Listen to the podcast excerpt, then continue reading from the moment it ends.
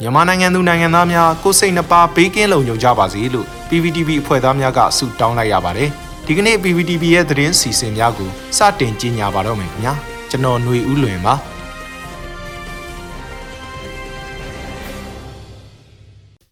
ပထမဆုံးအနေနဲ့အမျိုးသားညီညွတ်ရေးအစိုးရကျန်းမာရေးဝန်ကြီးဌာနရဲ့စေတနာဝန်ထမ်းကျန်းမာရေးစောင့်ရှောက်မှုတင်တဲ့ Volunteers Healthcare Assistant VHCA Training Program တင်ကြားပို့ချပေးမယ့်အစီအစဉ်ကိုမိတ်ဆက်လိုက်တဲ့သတင်းကိုတင်ဆက်ပေးမှာဖြစ်ပါတယ်။မြန်မာနိုင်ငံအတွင်းကျန်းမာရေးစောင့်ရှောက်မှုစနစ်ကြီးတစ်ခုလုံးဒီပါကမောက်ကမဖြစ်နေပြီးပြည်သူပြည်သားတွေဟာမိမိတို့တအားသမျှအင်အားနဲ့ကိုတူကိုရကျန်းမာရေးစောင့်ရှောက်မှုပေးနေရတဲ့အခြေအနေဖြစ်နေပါတယ်။ ပြည်သူတွေအနေနဲ့ကျန်းမာရေးစောင့်ရှောက်ရမှာအထောက်အကူပြုစီရန်အတွက်မြို့သားညီညွတ်ရေးအစိုးရကျန်းမာရေးဝန်ကြီးဌာနရဲ့လမ်းညွှန်မှုနဲ့ CDM တူနာပြုတားဖွားဆရာမတွေဦးဆောင်ပြီးနိုင်ငံတကာအကူအညီအထောက်ပံ့တွေနဲ့စေတနာဝန်ထမ်းကျန်းမာရေးစောင့်ရှောက်မှုတင်နန်းကိုဖွင့်လှစ်တင်ကြားရန်စီစဉ်ဆောင်ရွက်လျက်ရှိတယ်လို့သိရပါတယ်။အဆိုပါတင်နန်းမှာလူတိုင်းသိရှိနားလည်တဲ့တစ်အရေးပေါ်အခြေအနေမှာလူနာကိုပြုစုဆောင်ရှောက်မှု နှစ် COVID-19 ရောဂါဝေဒနာရှင်များကိုပြုစုကုသဂိုင်းတွယ်စောင့်ရှောက်မှုနဲ့မိမိကိုယ်ကိုယ်နဲ့တခြားသူများကိုရောဂါမကူးစက်အောင်ကာကွယ်လှုပ်ဆောင်မှုများ၃ထိခိုက်ဒဏ်ရာရသောလူနာများကိုအရေးပေါ်ပြုစုကုသမှုများစတဲ့အရေးပေါ်လိုအပ်နေတဲ့ကျန်းမာရေးစောင့်ရှောက်မှုဆိုင်ရာဗဟုသုတနဲ့လက်တွေ့လှုပ်ဆောင်မှုတွေကို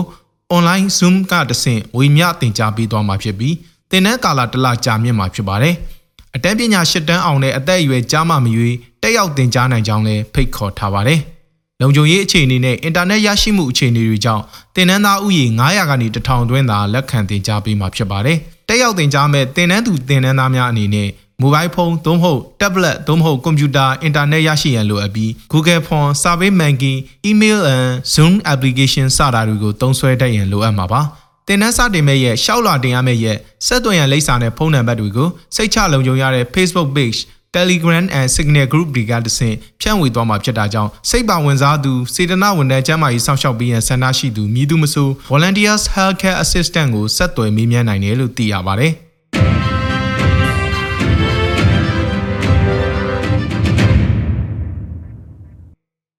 ဆက်လက်ပြီးပြည်သူတွေအပေါ်အကြမ်းဖက်ဖိနှိပ်တဲ့စစ်ကောင်စီရဲ့လုပ်ရက်တွေကို KNU ထုတ်ပြန်ခဲ့တဲ့သတင်းကိုတင်ဆက်ပေးချင်ပါတယ်။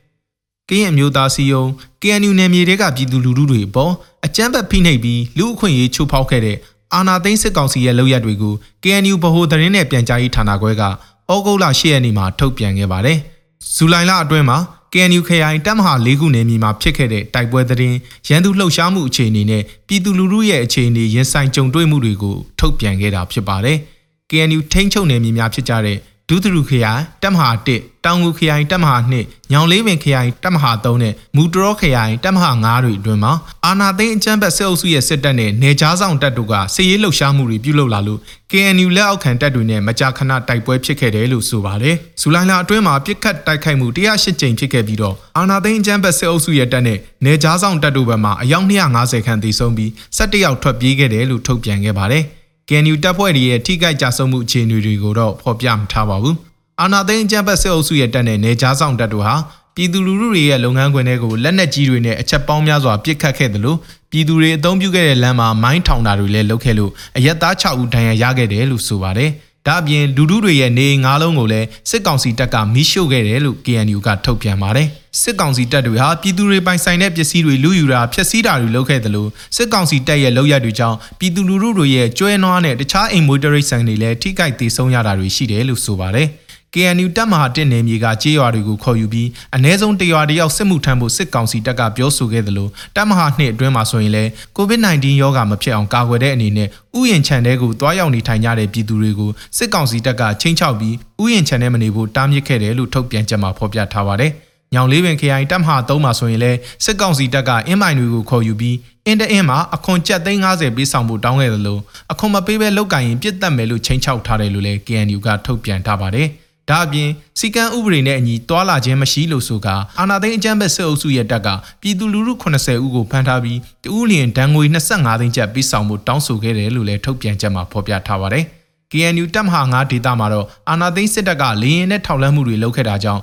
စစ်ဘေးရှောင်ပြည်သူတွေဟာစိုးရိမ်ထိတ်လန့်နေကြရတယ်လို့ဆိုပါတယ်။စစ်တပ်ကအာဏာသိမ်းပြီးတိုက်ပွဲတွေဖြစ်ခဲ့တာကြောင့်စစ်ကောင်စီတပ်ဟာ KNU တပ်မဟာ9နဲ့3ဒေသမှာလေကြောင်းတိုက်ခိုက်မှုတွေလှုပ်ဆောင်ခဲ့တာပါ။ အဲ့ဒီတပ်မဟာနှစ်ခုနယ်မြေမှာလက်ရှိအချိန်ထိစစ်ဘေးရှောင်ပြည်သူ8900ကျော်ရှိနေပြီးအခက်အခဲအကျက်တဲတွေနဲ့ရင်ဆိုင်ကြုံတွေ့နေရတယ်လို့ KNU ကထုတ်ပြန်ခဲ့ပါတယ်။အာနာသိန်းစစ်တပ်ကလူအခွင့်အရေးချိုးဖောက်တာတွေလူထုအပေါ်အကြမ်းဖက်ဖိနှိပ်တာတွေဆက်လုပ်ရင် KNU အနေနဲ့လူထုကိုအကာအကွယ်ပေးမှုတွေဆက်လက်လှုပ်ဆောင်သွားရမှာဖြစ်လို့တိုက်ပွဲတွေထပ်မံဖြစ်ပွားလာနိုင်တယ်လို့ KNU တာဝန်ရှိသူတို့ကပြောပါတယ်